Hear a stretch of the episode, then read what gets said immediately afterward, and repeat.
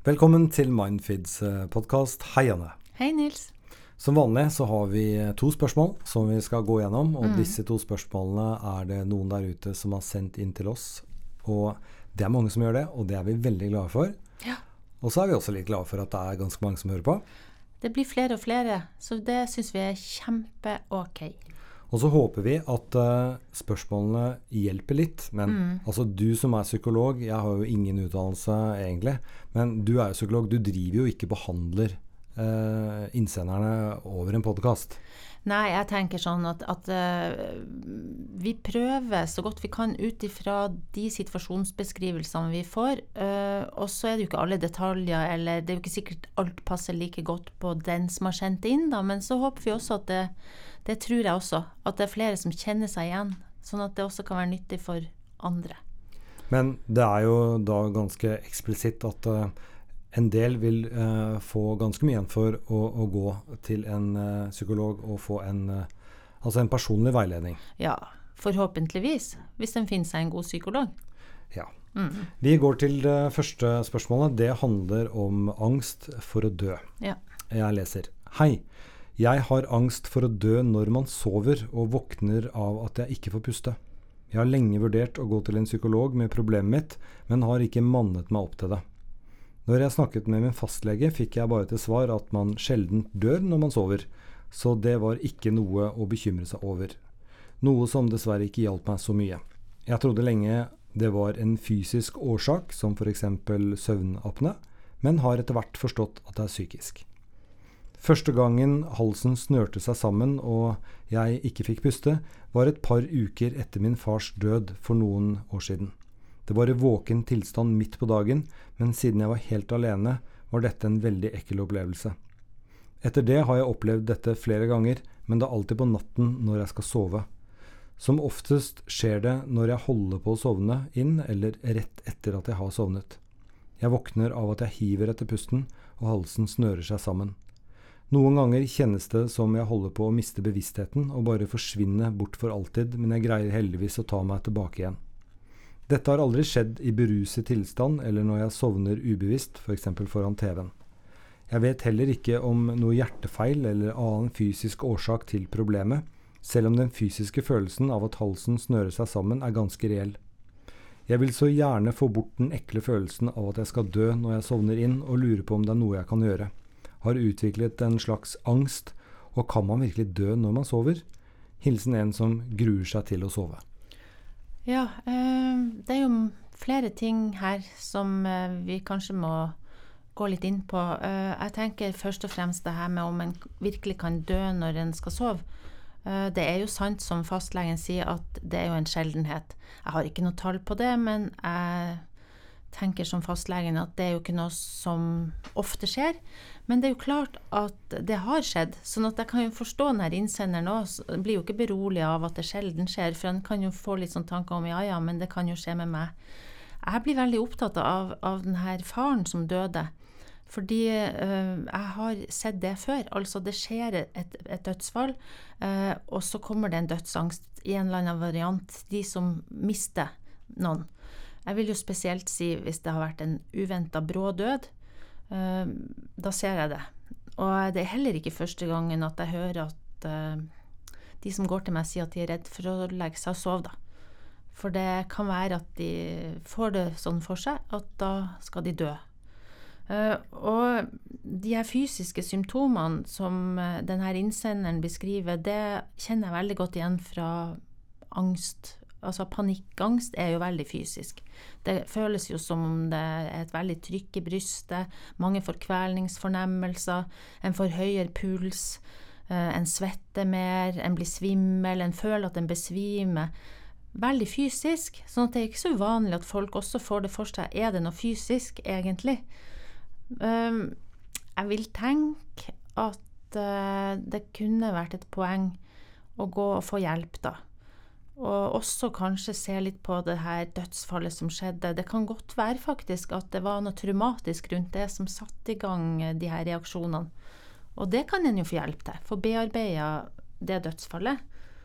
Og så tenker jeg også Og det å håndtere det her ubehaget som er i nåtid, at det er viktig å få lært seg noen teknikker, innsovingsteknikker, det å legge bort tanker òg. Altså, angst består jo også mye av at en har angst for angsten.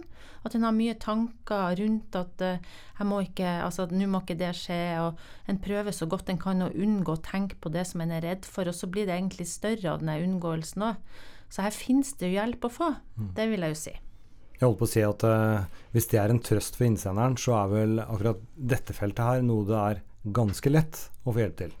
Ja, jeg tror hvis den kommer og får hjelp uh, av rett person, og jeg tror det er mange som jobber med terapi, ikke bare psykologer, men også ellers, som jeg syns at det her med angst eh, det er liksom noe en kommer borti ganske ofte. Det er jo ganske utbredt, det er mange som plages med det. Og også dødsangst. For at i angst mange ganger så ligger det jo en slags Altså det er, off, det er ikke off, det er alltid, da, men det, det, det, kan være en sånn dødsangst i der. Og det er jo ikke så rart heller at en får når en har opplevd dødsfall, ikke sant. Det høres også, eller eh, Når jeg leser dette, her, så, så virker det også som eh, vedkommende egentlig har det ganske klart for seg. Mm. Han skjønner at uh, det har med farens død å gjøre. Mm. Han skjønner at det egentlig er en angst. Mm. Uh, og han skjønner at han uh, bør få hjelp. Ja. Så jeg tolker egentlig dette spørsmålet som at han egentlig bare har lyst til å få en klar beskjed mm. på at ja, kjære venn, du søker hjelp, og det kommer til å gå bra. Ja, og så vil jeg si, for at det kan ta litt tid å få hjelp, at det må gå an også å søke litt hjelp på nettet.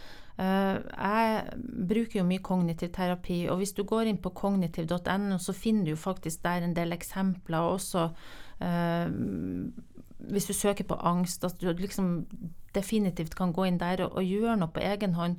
Og det det går på ofte, er jo å, å konfrontere angsten på et eller annet vis. Men, men, men, men, det skal jo gjøres i kontrollerte former. Det skal jo ikke være sånn at du liksom starter med det verste heller. Så også noen sånn avslappingsteknikk og noen sånn muligheter til å trene seg på, på å ikke tenke så mye på den redselen for uh, å sove òg, da. Um, det er mulig å få den type hjelp litt på nett òg. Og så er det jo også et uh, veldig klart tegn at uh, når han liksom uh, sovner i litt sånn rare situasjoner, altså eksempelvis foran TV-en at det er noe kjedelig der, ja. så er ikke angsten der. Altså. Frykten for død er ikke der. Nei, så det betyr vel, vil jeg tenke, at det, en driver sikkert er tankene, altså forventningene og tanken om at å oh, gud, enn hvis det skjer. Og så begynner det her fysisk å skje i kroppen, og så er det liksom i gang. ikke sant? Men hva er ventetiden på en uh, offentlig psykolog nå, cirka? Er det ja, fortsatt seks måneder? Altså, det er umulig å si. Ja, uh, fordi uh, hvis, hvis, du er ungdom, så skal du også prioriteres, ikke sant. Um, det spørs hvilket nivå en søker seg hjelp på. Det finnes jo også kommunepsykologer som kan hjelpe til. Det finnes også en del leger som Altså, et godt sted kan også være å starte hos legen. Når det gjelder de her distriktspsykiatriske sentrene eller uh, privatpraktiserende psykologer, så er det ofte litt lengre ventetid. Det kan fort være tre måneder eller opptil seks. Mm. Går du helt privat, eh, så kan du få hjelp ganske raskt. Men ja. da må en regne med å betale litt sjøl, da. Ja. Men det høres ikke ut som den uh, legen var uh, Altså slik legen er beskrevet her. Nei. Så var ikke akkurat det en som kommer til å gi kjapp hjelp til psykolog. fordi uh, når jeg snakket med min fastlege, fikk jeg bare til svar at man sjelden dør når man sover, så det var ikke noe å bekymre seg over. Du, ja, da kan du si litt også, for at på ett vis eh, så kan du godt jobbe med folk med det her med at uh, med logikken i at dette er ikke noe å bekymre seg over, men det må gjøres på en måte som gjør at folk ikke føler uh, seg avspist eller avfeid med at dette er jo så enkelt, dette burde du få til. For at jeg òg jobber med folk i forhold til å legge bekymringa bort. Og da snakker vi ofte om at men er virkelig dette noe som faktisk kan kunne skje? Men det må jo gjøres eh, med en forståelse for at det er jo ikke bare å slutte å tenke på ting. En må trene seg på å ikke tenke på ting. Altså, og det betyr jo heller ikke at, at en kan stenge av tanken helt. Det er litt sånn viktig for meg å få sagt. Har jo, han har jo de her tankene og de her redslene, og det må en anerkjenne. Men det går an å få mer pause eller avstand til dem enn det han klarer nå. Og det kan en trene seg på. Men jeg vil si det sånn at, at det ikke bare er å stoppe en tanke som er på vei. Altså, det er ingen av oss som klarer det. Men vi kan, vi kan gjøre noe i forhold til hvor stor plass vi lar de her tankene ta. Dette spørsmålet er ganske langt, så mm. jeg tar og liksom redigerer litt underveis. Det er greit. greit. Ja. Hei, jeg er en jente på 31 år. Bodd ni år på Gjøvik. Mannen min er fra Gjøvik. Først så tok han over sitt barndomshjem, og etter det flyttet vi inn i en blokk midt i byen, og vi mistrives. Og problemene begynte egentlig her. Og så hadde de snakket litt om om de skulle flytte tilbake til hennes hjemby. Og så fikk de en kjellerleilighet av hennes foreldre, og så flytta de ned dit. Og så er det et problem, og det problemet heter storebroren hennes, som er ni år og tre måneder eldre enn henne. Han har alltid plaget meg, skriver hun. Tatt meg hardt i armen så jeg begynte å gråte. Tatt kveletak på meg i nesten hele oppveksten. Og snakket nedlatende og vært dominerende mot meg i alle år. Dette er mor og fars fineste barn. En dag hvor de da lagde middag eh, for eh, dem da og søstera, eh, det var en fiskemiddag, så kommer altså denne broren inn og skryter eh, veldig mye av at han er bedre til å lage fiskemat enn eh, da hans eh, søster. Og da vi kom med vår mat, skriver hun, begynte de nedverdigende ordene å komme mot meg igjen, som endte med at jeg reiste meg opp. Og jeg husker at jeg sa at han var en stor, skrytende faen, og at det at andre lager aldri er bra nok for han. Det endte med at han kalte meg en jævla tulling og ba meg sette meg på rommet mitt som om jeg var tre år gammel. Min mor og far har aldri tatt tak i denne måten han driver på. Både jeg og søsteren min blir forskjellsbehandlet, og min mor liker ikke at vi snakker negativt om han. Enten så svarer hun ikke, eller så begynner hun å synge. I mine øyne helt respektløst. Nå er jeg rømt på hotell, og jeg reiser videre til Gjøvik for å låne leiligheten til min svigermor i noen dager.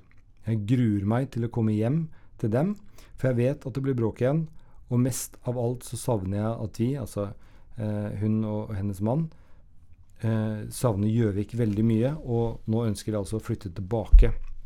Og det har da faren hennes eh, skjønt, og han er veldig skuffet over å høre det. Jeg føler meg alltid skyldig, skriver hun, i ting selv når min bror har såret meg på det verste. Kan jeg få noen råd av deg hva jeg og mannen min burde gjøre? Jeg orker ikke å bo med familien min noe mer. Unnskyld for et rotete brev.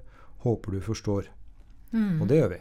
Ja, vi forstår. Fordi jeg vil jo bare si i første omgang her at det å beskrive i forholdet til broren sin, det er jo et forhold der han har undertrykt og også vært voldelig, altså kveletak, snakka nedlatende til og kle, kle på i, i handa. Altså det har jo foregått, virket på meg som veldig lenge, og mens hun var lita. Og så er det litt det her å beskrive med forskjellsbehandling, og at foreldrene ikke tar tak i det. Eh, faktisk så er det flere som har gått til meg og jobba med Altså, de har vært nødt til å få hjelp til å bearbeide eh, en sånn type oppvekst, fordi det er jo dobbelt sårt. Det ene er at du er utrygg hele tida for at du har en søsken som terroriserer deg, og det andre er at du dobbelt opp fordi foreldrene dine også, du opplever at de svikter deg, ikke sant, for de griper ikke inn, de beskytter deg ikke, og foreldre skal jo beskytte en når ting er utrygt. Sånn at uh, dette er jo uh, hendelser som jeg skjønner veldig godt har satt seg i henne. Og da klart, uh, når han da snakker strengt til henne nå, og nedlatende, så kommer det sikkert opp reaksjoner også fra gammelt av. Det sitter litt i kroppen. Uh, og da er det jo ikke så lett heller å få til å forsvare seg eller si fra på en åken måte. Så, så, så, egentlig her, vet du, endelig så sa hun også ifra. For hun hadde jo brukt en ganske tydelig stemme og sagt uh, at hun ikke fant seg i det her. Uh, men den støtten som hun kanskje hadde håpa på, det er jo mye skuffelser her, da, For det er jo ingen støtte eller ingen andre i familien som sier at de er enig. En mor som rett og slett ikke ser problemet. Altså dette er jo beskrivelsen til innsenderen, sånn at vi har jo ikke Du kan si vi har jo ikke opplevelsene til verken bror, bror, eller mor eller de andre i familien. Vi kan jo ikke si, si, noe om hvordan de opplever det, men det er jo sånn hun opplever det, og det høres ikke bra ut for hun. Men så, så er det vel også litt sånn at uh, altså alle familier trenger et sted å slå rot. Mm. Uh, og, og, de har da prøvd å gjøre dette i Gjøvik, ja. og det likte de ikke. Mm. Og så flytter man altså hjem, ja. der, man, der, hun har sine røtter, ja. og så funker ikke det. Nei. Uh, så jeg bare tenker det at uh, hvis denne oppveksten som hun beskriver, uh, er riktig Ja. Det var jo en ganske stor, eller er en ganske stor aldersforskjell mellom søsknene. Hun er nesten ti år. Ja. Så virker det jo liksom sånn, om tiden har stått litt stille, da, at hun fortsatt er treåringen som eh, Ja. 13-åringen hunser. Ja. Vet du hva, også, og Nå sier du jo på en veldig fin måte, syns jeg, Nils. For at ikke sant, 3-13 altså det, det er litt sånn viktig det du sier om den store aldersforskjellen òg. Han må jo vært for hun, Han må jo blitt opplevd som veldig skremmende for hun hvis det her har pågått fra hun var veldig liten. Vi vet jo ikke hvor liten hun var når det starta, men allikevel, ti års aldersforskjell er mye. Jeg tror også, altså Det er veldig lett å begynne å klandre seg sjøl, hvor dum jeg var som dro hjem, og, og, og liksom hvorfor havna jeg i det rotet her, jeg skulle aldri flytta fra Gjøvik. Eh, men jeg tror veldig mange har altså forhåpninger om at nå skal det bli bra. Ja, uh, altså det er jo du som har utdannelsen her, Ja. og jeg er lekmannen, som det så fint heter. Ja, Altså, jeg syns egentlig mm, at hun er litt tøff, ja. Ja. Fordi um, hun har liksom tatt en fight ja, Uh, og gjort det, og nå velger hun en flight. Men Ja. jeg føler at det er en flight med ære. ja. For at eh, kanskje det å innse at det ikke går an å bo under samme tak dem, som dem hvis ikke det her forandrer seg og de aldri eh, kommer til å forsvare henne. Eh, for den andre løsningen er jo å bo der og, og liksom finne seg i det her, eller altså en må liksom forvente at det kan skje ting igjen. Og orker hun det? Og er hun liksom orker hun å ta det helt alene? Nei, jeg syns Jeg hadde Hvis dette var en venninne, f.eks., så hadde Mm. jeg sagt eh, dra til Gjøvik. Eh, Ja. Det virker som det er bedre. Det, Mm. det er verre å være der. Om ikke dra til Gjøvik, så i hvert fall uh, Men det er klart at det, dette her er jo trasig òg, fordi her har du flytta på alt, og så skal du flytte igjen, og det er en prosess da, ikke sant. Så en må i hvert fall tenke seg litt om her, uh, og det er lov å ombestemme seg. Ja ja, for de Ja. sier jo også at de, de faktisk savner Gjøvik litt, da. Ja. Og så høres, høres det ut som uh, Igjen så må vi bare si at uh, vi leser brevet, Mm. og vi diskuterer kun ut ifra det som står her. Vi har selvfølgelig Ja. ikke snakket med de som har sendt inn brev, vi har heller ikke snakket med de de omtaler. nei. Men vi, vi, vi tar dette som god fisk, som i utgangspunktet. Det trenger jo ikke bestandig være det, men vi gjør, gjør det Jeg tenker vi tar da. det som god fisk i den forstand at dette er jo hennes subjektive opplevelse. Opplevelse, og den har vi respekt for. ja. Mens mora er det jo ikke så veldig mye hjelp å, å få i hvis Nei. hun uh, blir, blir sånn konfrontert med det dattera mener er vanskelige ting. Og hun velger jo da virkelig flight med å synge, da. Ja. Uh, Det blir veldig respektløst, som hun sier sjøl. Hun ser jo det at det er respektløst. men igjen så er det dette Dette må jo rett og slett være morens flukt fra Ja. å ikke klare å, å relatere til noe som er vanskelig. Jeg vil jo si at det må være veldig vondt for foreldre. og Altså det å ta inn over seg faktisk at du har en sønn som egentlig har gitt de andre to barna dine en veldig dårlig oppvekst. Ja. Eh, Og at det er veldig mange som går inn i litt sånn bagatellisering og benekting av det. Eh, Og det kan jo være at, at, at eh, For det noe som kunne ha bedra forholdet, var jo selvsagt hvis foreldrene men vi vet jo ikke helt eh, hvor langt de har kommet i en sånn prosess. Men hvis de hadde gått i en prosess der de hadde erkjent eh, i større grad hva som faktisk har skjedd, da hadde det jo vært lettere for henne å være der òg. Men jeg husker en gang jeg var på en sånn klassereunion. eh, og der må jeg vel innrømme at eh, da hadde jeg, liksom ikke, jeg hadde faktisk ikke sett disse menneskene på ca. Sånn 20 år. Ja. Ja, det var helt fascinerende å se hvordan vi på et nanosekund gikk tilbake til de rollene Ja. vi hadde Ja. den gang da. Altså, det hjalp ikke noe hva, hva- vi hadde gjort i mellomtiden. Nei, det betød nei. ingenting. Vi var akkurat tilbake. Vi var liksom 13 år, hele gjengen. Ja, og det er sant. Og det var vel kanskje, kanskje det er det som har skjedd litt her òg, for Ja. henne. Eh, dessverre. Men oppsummert uh, hun har guts. Mm. Bra. Bra Eh, at du og- sier det, Nils. Det og har du velger å gjøre noe, så det, det heier vi på. Mm. Eh, til dere andre så er det bare å sende inn spørsmål. Vi er veldig glad for å få dem. Ja. vi prøver å svare på alle Ja. eh, Så godt vi kan. så godt vi kan. Ja. Og så høres vi igjen veldig snart. Ha det bra. Ha det!